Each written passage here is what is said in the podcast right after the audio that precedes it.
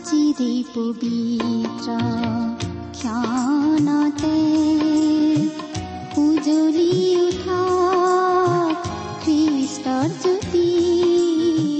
নমস্কাৰ আমাৰ মৰমীয়াল প্ৰভু যীশুৰ মহান নামেৰে আপোনাক এয়া ভক্তিবচন অনুষ্ঠানলৈ আদৰিছো।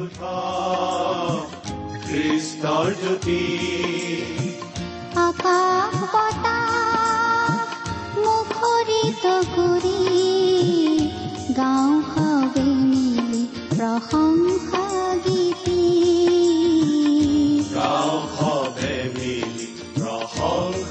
গীতি আজিৰে পবিত্ৰ ক্ষণতে উজলি উঠা খ্ৰীষ্টৰ জ্যোতি ঈশ্বৰে আপোনাক যি অসীম প্ৰেম কৰিলে তাক যদি অনুভৱ কৰিব বিচাৰে আৰু তেওঁৰ অগম্য বাক্যৰ মৌ মিঠা সোৱাদ ল'ব বিচাৰে তেন্তে আহক আজিৰ ভক্তিবচন অনুষ্ঠানটো মনোযোগেৰে শুনো।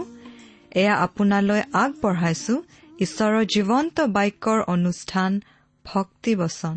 আমাৰ পৰম পবিত্ৰ প্ৰভু যীশুখ্ৰীষ্টৰ নামত নমস্কাৰ প্ৰিয় শ্ৰোতা আপোনাৰ ভালনে বাৰু?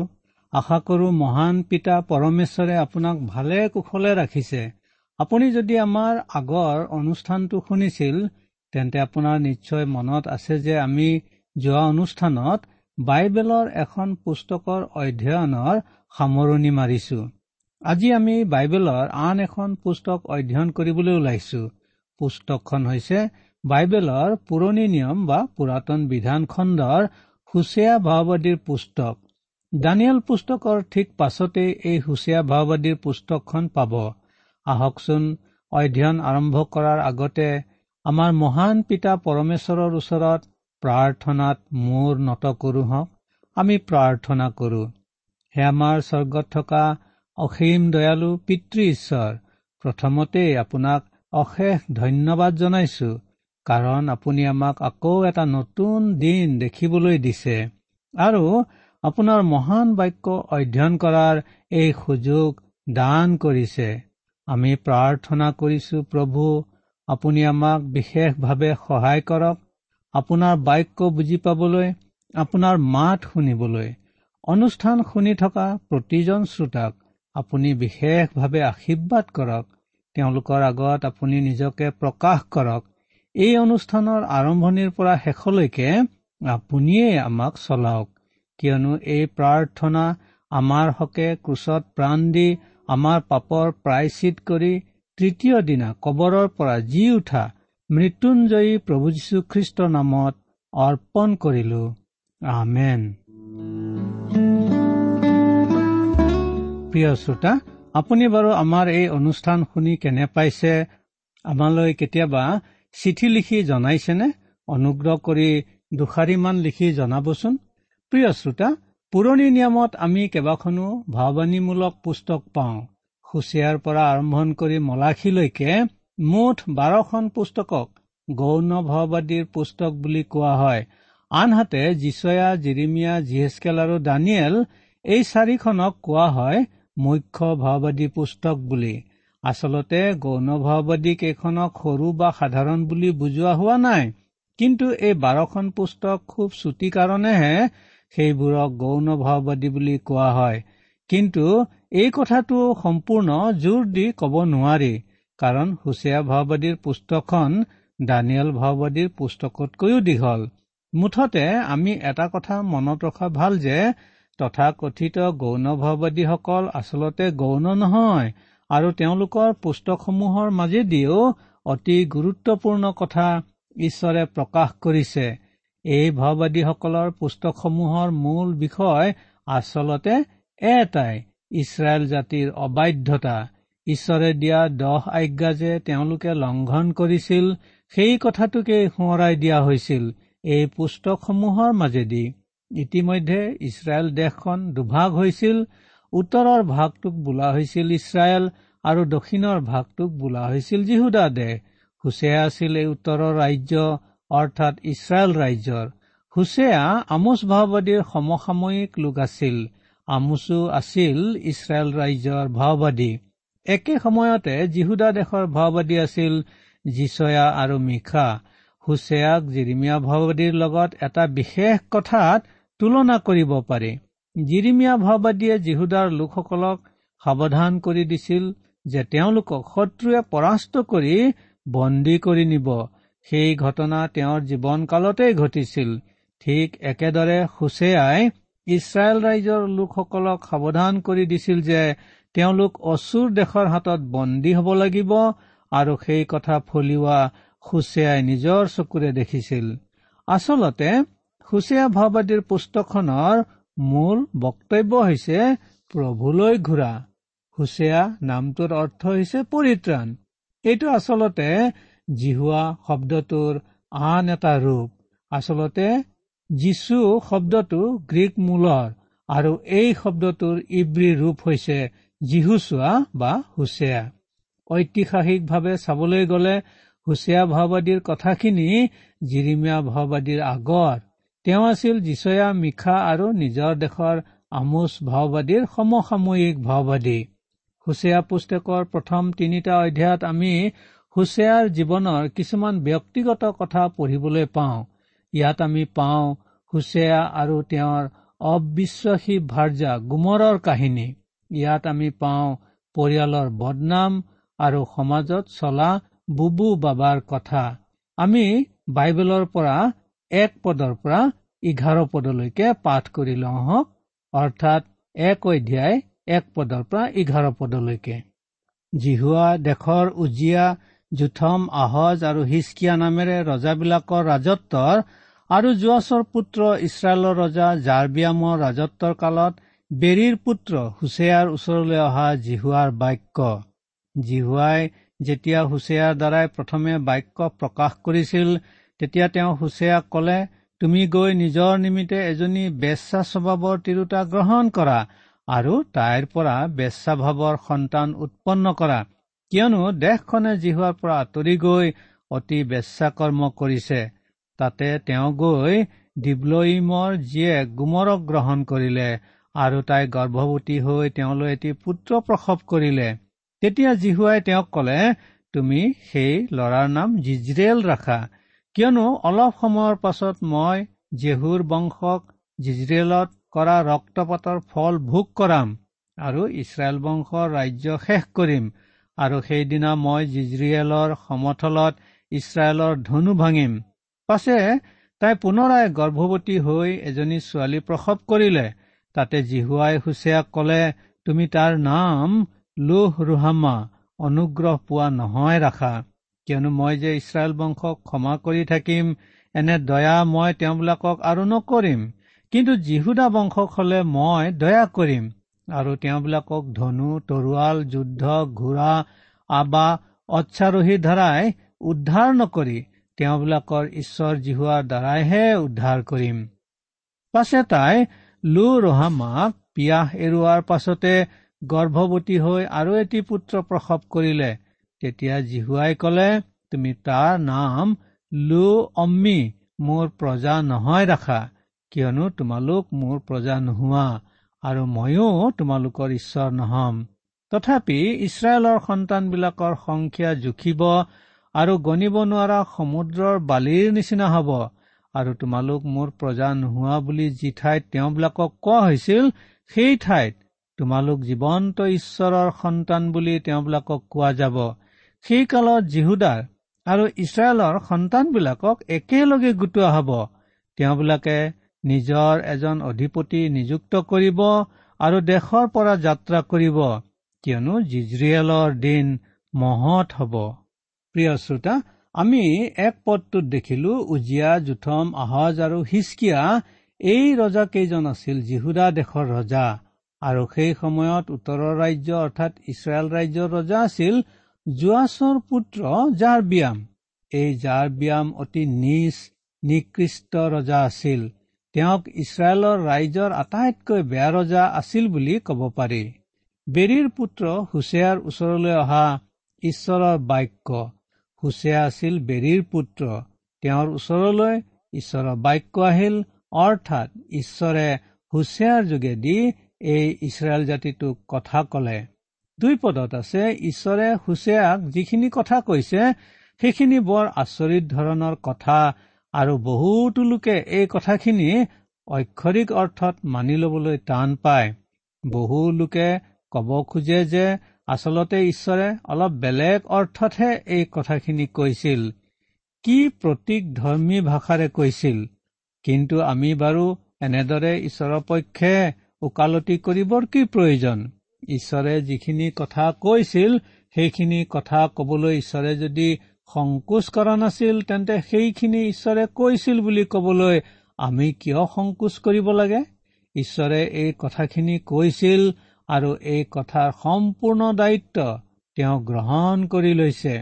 ইয়াত ঈশ্বৰে হুচেয়াক যিখিনি কথা কৈছিল সেইখিনি কথা এটা আদেশৰ নিচিনা আছিল। আমাক মা দেউতাই যেতিয়া কয় তুমি দোকানলৈ গৈ অমুক বস্তুটো কিনি আনাগৈ তেতিয়া আমি সেইটো মা দেউতাৰ আদেশ বুলিয়েই বুজো। তেনেদৰে ঈশ্বৰে হুচেয়াকো আদেশ দিছিল তুমি গৈ এগৰাকী বেচাক বিয়া কৰোৱা। ঘটনাটো এনেকুৱা নহয় যে হুচেয়াই কোনো বেচাৰ প্ৰেমত পৰিছিল আৰু ঈশ্বৰে সেই বেচাক বিয়া কৰিবলৈ হুচেয়াক অনুমতি দিছিল। কিন্তু এগৰাকী বেচাক বিয়া কৰাবলৈ ঈশ্বৰে হুচেয়াক আদেশহে দিছিল। ঘটনাটো হয়তো এনেকুৱা আছিল। হুচেয়াই গুমৰ নামৰ ছোৱালীজনীক ভাল পাইছিল কিন্তু গুমৰ বেচা বুলি গম পাই তাক ত্যাগ কৰিব খুজিছিল কিন্তু ঈশ্বৰে হুচেয়াক আদেশ দিছিল গুমৰক বিয়া কৰাবলৈ। এই কথাটো সকলো মানুহৰ বাবে গ্ৰহণ কৰিবলৈ অলপ টান কথা কিন্তু হুচেয়াৰ জীৱনৰ এই অভিজ্ঞতাটোৰ মাজেদি ঈশ্বৰে এটা অতি দুখ লগা কিন্তু গুৰুত্বপূৰ্ণ কথা শিকাব খুজিছে। ঈশ্বৰে কৈছে দেশখনে জিহুৱাৰ পৰা আঁতৰি গৈ অতি বেচাকৰ্ম কৰিছে। অৰ্থাৎ ইছৰাইল জাতিয়ে ঈশ্বৰ জিহুৱাৰ স্তুতি ভক্তি এৰি বিশ্বঘাতকতা কৰি বেচা কৰ্মৰ নিচিনা কাম কৰিবলৈ লৈছে।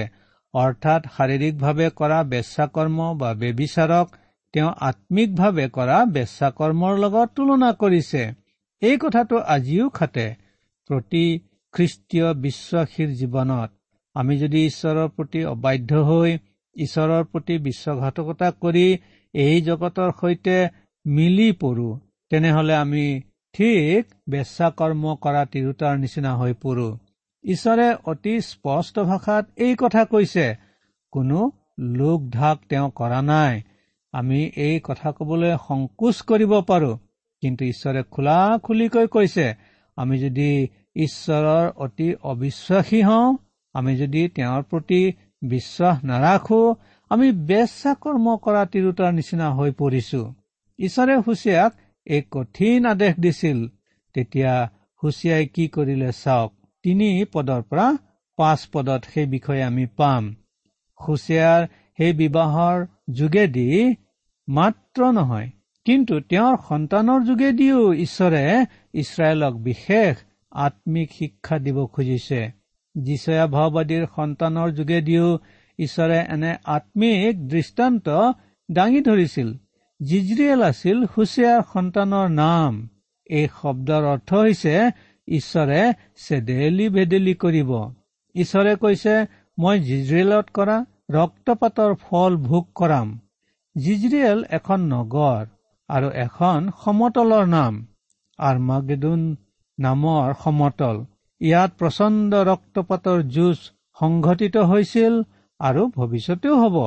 যেতিয়া প্ৰভু যীশু ৰজাস্বৰূপে আহি পৃথিৱীৰ শক্তিক পৰাস্ত কৰিব ইয়াত ঈশ্বৰে কৈছে যে তেওঁ ঈশ্বৰৰ ৰাজ্য অৰ্থাৎ ইছৰাইলৰ ৰাজ্যৰ পতন আনিব আৰু ৰাজ্যখন চেধেলি বেদেলি কৰি পেলাব। ছয় পদত পাওঁ সেই ছোৱালীজনীৰ নাম থোৱা হল লোহ ৰহামা।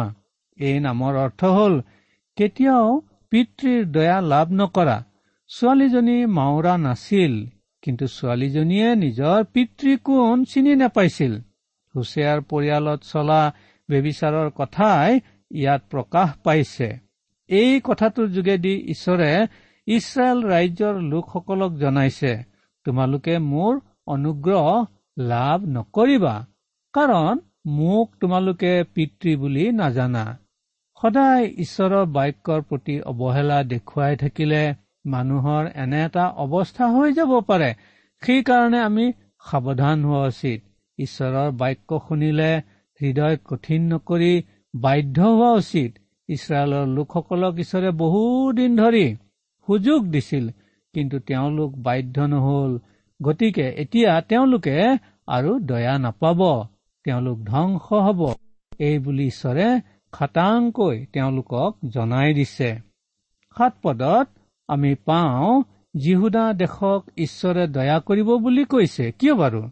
ৰজা ডায়ুদৰ কাৰণে। ঈশ্বৰে কৈ আহিছিল যে ডায়ুদৰ খাতিৰতে তেওঁ চলোমনৰ দিনত ৰাজ্যখন বিভক্ত হবলৈ এৰি নিদিয়ে। তেওঁ বাৰে বাৰে কৈ আহিছিল যে ডায়ুদৰ খাতিৰতে তেওঁ দক্ষিণৰ ৰাজ্য অৰ্থাৎ জিহুদা ৰাজ্যখনক ৰক্ষা কৰিব দয়া কৰিব। কোনোবাই হয়তো কব ঈশ্বৰে কিয় এনে পক্ষপাতমূলক কাৰ্য কৰিলে? কিন্তু আমি আজি ঈশ্বৰক ধন্যবাদ জনাওঁ যে তেওঁ আমাকো দয়া কৰিলে। প্ৰভু খাতিৰতে তেওঁ আজি আমাক দয়া কৰে আমাক কৰোণা অনুগ্ৰহ দেখুৱাই সকলো দুখ ক্ষমা কৰে আমাক অনন্ত জীৱন দান কৰে। ধনু তৰোৱাল যুদ্ধ ঘোঁৰা আৰু অশ্বাৰোহীৰ দ্বাৰা উদ্ধাৰ নাপাব। তেওঁলোকক উদ্ধাৰ কৰিবলৈ জিহুৱাৰ ওচৰলৈ আহ্বান জনাইছে কাৰণ তেওঁলোকক ঈশ্বৰ জিহুৱাইহে উদ্ধাৰ কৰিব। অৰ্থাৎ তেওঁলোকে তেওঁলোকৰ সামৰিক শক্তিৰ কাৰণে নহয় কিন্তু ঈশ্বৰ জিহুৱাৰ শক্তিতহে উদ্ধাৰ পাব। দ্বিতীয় ৰাজাৱলী ঊনৈশ অধ্যায় আৰু যিচয়া সাতত্ৰিশ অধ্যায় পঢ়োতে আমি পাইছিলো যে ঈশ্বৰে অতি অলৌকিকভাৱে তেওঁলোকক ৰক্ষা কৰি জয়ী কৰিছিল। আমিও আজি নিজৰ কৰ্ম অৰ্থাৎ নিজৰ ধাৰ্মিকতাৰ বলত উদ্ধাৰ নাপাওঁ। কোনো মানুহে নিজৰ চেষ্টাত পৰিত্ৰাণ লাভ কৰিব নোৱাৰে। কিন্তু প্ৰভু যীশুত বিশ্বাস কৰি আমি ঈশ্বৰৰ অনুগ্ৰহতেহে পৰিত্ৰাণ পাব পাৰো। আঠ পাওঁ গুমৰৰ আৰু এক সন্তান জন্মিল। আৰু ন পদত কিয় সেই সন্তানজনৰ নাম হল লোহ অম্মি? অৰ্থাৎ তোমালোক মোৰ নোহোৱা। অৰ্থাৎ ঈশ্বৰজী হোৱাই ইছৰাইলৰ লোকসকলক কৈছে মই তোমালোকৰ ঈশ্বৰ নহওঁ। যদিও ঈশ্বৰে এনেদৰে কৈছিল তেওঁ সামূহিকভাৱেহে ইছৰাইলক পৰিত্যাগ কৰিছিল তেওঁলোকক শিকনি দিবলৈ। আমি বুজি পাওঁ যে ঈশ্বৰে যদিও ইছৰাইলক শাস্তি দিব কিন্তু তেওঁলোকক একেবাৰে পৰিত্যাগ নকৰিব। ইছৰাইলৰ সন্তানবিলাকৰ সংখ্যা জুখিব আৰু গণিব নোৱাৰা সমুদ্ৰৰ বালিৰ নিচিনা হ'ব আৰু তোমালোক মোৰ প্ৰজা নোহোৱা বুলি যি ঠাইত তোমালোকক কোৱা হৈছিল সেই ঠাইত তোমালোক জীৱন্ত ঈশ্বৰৰ সন্তান বুলি প্ৰখ্যাত হবা। এই বুলি ঈশ্বৰে কৈছে। আমি ইতিহাস পঢ়িলেই বুজি পাওঁ। ঈশ্বৰে অতি আচৰিত ধৰণে ইছৰাইলৰ লোকবিলাকক ৰক্ষা কৰি আহিছে। নানা ঘাট প্ৰতিঘাত আদিৰ মাজতো জাতিটো বিলুপ্ত হৈ যাবলৈ তেওঁ দিয়া নাই। এতিয়াও সময় উকলি যোৱা নাই। এদিন ইছৰাইলৰ বৃহৎ সংখ্যাৰ লোক আকৌ জীৱন্ত ঈশ্বৰলৈ ঘূৰিব। সেইদিন আহি আছে।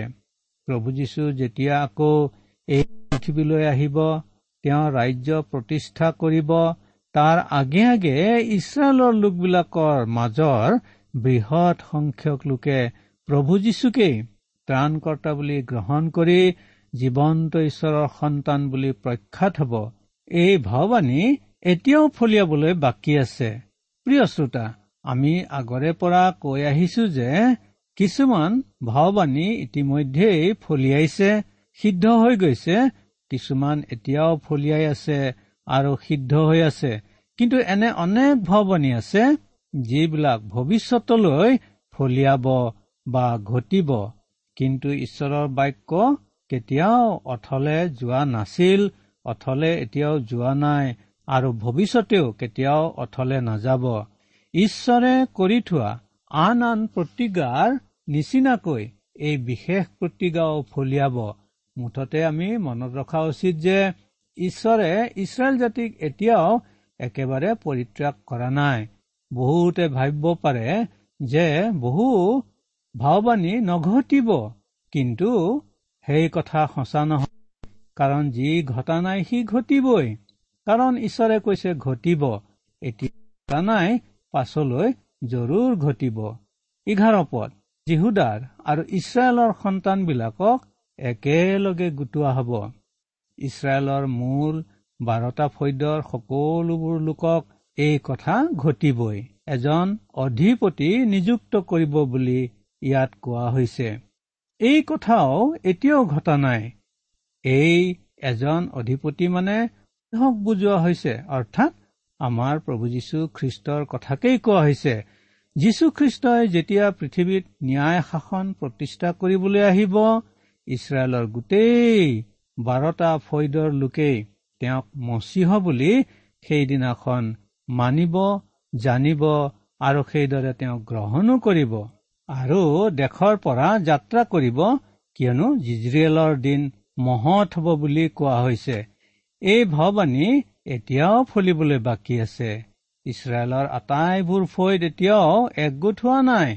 এই গোটেই বিষয়টো আমি আৰু অলপ বহলাই আলোচনা কৰিম আমাৰ পৰৱৰ্তী অনুষ্ঠান কেইটামানত। এই সুচীয়া ভাৱবাদীৰ পুস্তক অধ্যয়ন কৰোতেই আমাৰ এই অনুষ্ঠান শুনি থাকিবলৈ সেইকাৰণে নাপাহৰে। বহুতে কব খোজে যে যিবোৰ ভাৱবাণী সিদ্ধ হল সেইবোৰ হৈ গল কিন্তু যিবোৰ হোৱা নাই সেইবোৰ আৰু নহব। আৰু বহুতে ভাবে যে ইছৰাইলৰ লোকসকল ইতিমধ্যেই সম্পূৰ্ণৰূপে তেওঁৰ লোকৰ দেশলৈ প্ৰত্যাৱৰ্তন কৰিছে। কিন্তু সেই কথাও আমি নেদেখো। কাৰণ যেতিয়া তেওঁলোকে নিজ দেশলৈ প্ৰত্যাৱৰ্তন কৰিব অৰ্থাৎ ঘূৰি যাব তেওঁলোকৰ মাজত শান্তি স্থাপন হ'ব। কিন্তু বৰ্তমান আমি তেওঁলোকৰ মাজত শান্তি দেখা নাই। অশান্তি আমি এতিয়াও তেওঁলোকৰ মাজত দেখিছো। সেইটোৰ ভিত্তিতে আমি ক'ব পাৰো যে এই জাতিটোৰ সকলোবিলাক ফৈদৰ লোক আৰু সকলোবিলাক লোক সম্পূৰ্ণৰূপে স্বদেশলৈ প্ৰত্যাৱৰ্তন কৰিবলৈ এতিয়াও বাকী আছে। প্ৰিয় শ্ৰোতা ঈশ্বৰে নিজৰ প্ৰতিজ্ঞা কেতিয়াও ভংগ নকৰে। তেওঁ তেওঁৰ প্ৰতিজ্ঞা কেতিয়াও ভংগ কৰা নাছিল এতিয়াও কৰা নাই আৰু ভৱিষ্যতেও তেওঁ কেতিয়াও তেওঁৰ প্ৰতিজ্ঞাসমূহ ভংগ নকৰিব। এই কথা আমি জানো। তেওঁ আৰু ইছৰাইল ৰাইজক সামূহিকভাৱে শাস্তি দিছিল বুলি কিন্তু তেওঁলোকক তেওঁ সম্পূৰ্ণৰূপে এৰি দিয়া নাছিল আৰু নিদিয়েও প্ৰভু যীশুৰ যোগেদি তেওঁ আমালৈ পৰিত্ৰাণৰ আগবঢ়াই আহিছে। আমি মাত্ৰ প্ৰভু যীশু খ্ৰীষ্টক ত্ৰাণকৰ্তা বুলি গ্ৰহণ কৰি পৰিত্ৰাণৰ সেই সুবিধা গ্ৰহণ কৰিবহে লাগে। এই অনুগ্ৰহ কালৰ যেতিয়া অন্ত পৰে তেতিয়া কোনেনো জানে কেতিয়া কাৰ কি ঘটিব। আজিলৈ ইমানতে সামৰিছো। ঈশ্বৰে আপোনাক আশীৰ্বাদ কৰক। নমস্কাৰ।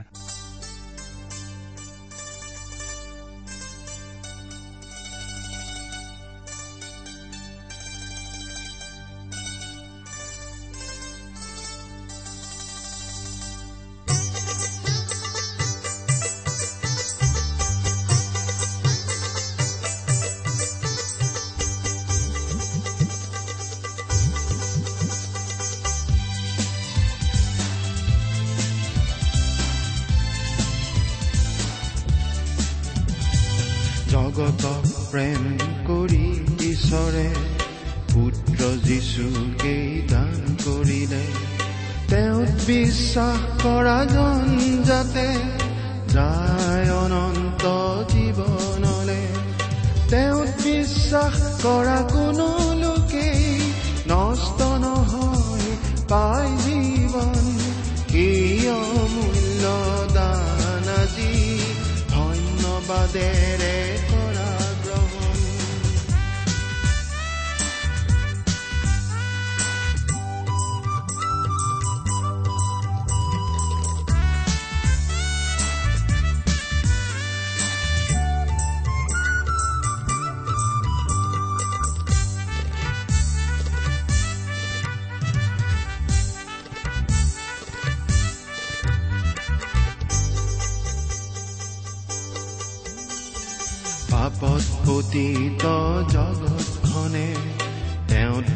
বিশ্বাস কৰাৰ যোগেৰে পৰিত্ৰাণ পাবলেহে ঈশ্বৰে পুত্ৰ যিচু পঠালে তেওঁত বিশ্বাস কৰা কোনো লোকেই নষ্ট নহয় পাই জীৱন সেই অমূল্য দান আজি ধন্যবাদেৰে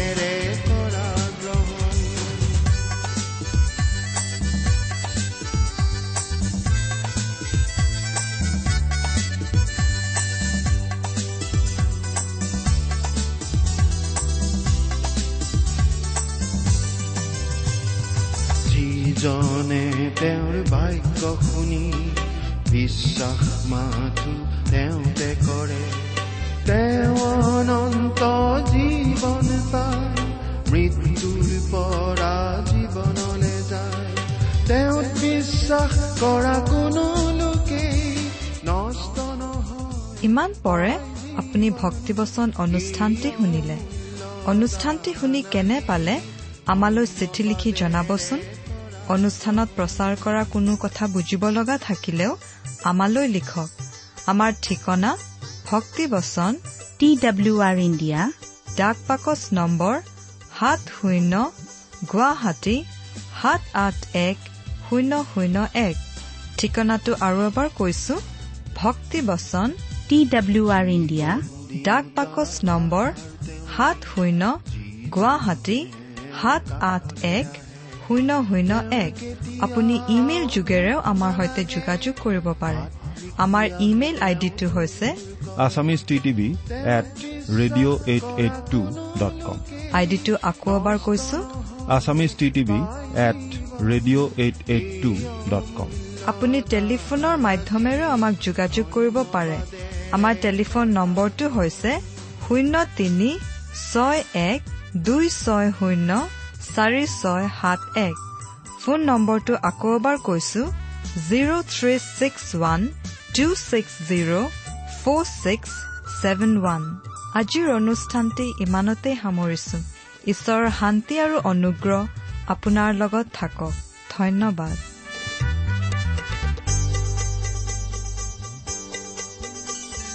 জগতৰ প্ৰতিজন লোককে মাতি আছে তেওঁ মৰমেৰে যিচুৰ সেই আহ্বানলে সঁহাৰি দিয়াৰ সময়ে তেওঁ বিশ্বাস কৰা কোনো লোকেই নষ্ট নহয় পাই জীৱন সেই অমূল্য দান আজি ধন্যবাদেৰে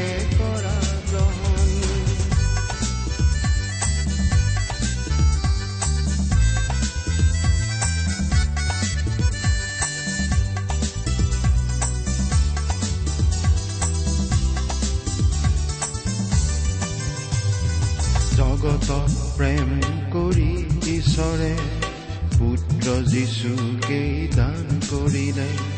তেওঁত বিশ্বাস কৰা জন যাতে যায় অনন্ত জীৱনলে।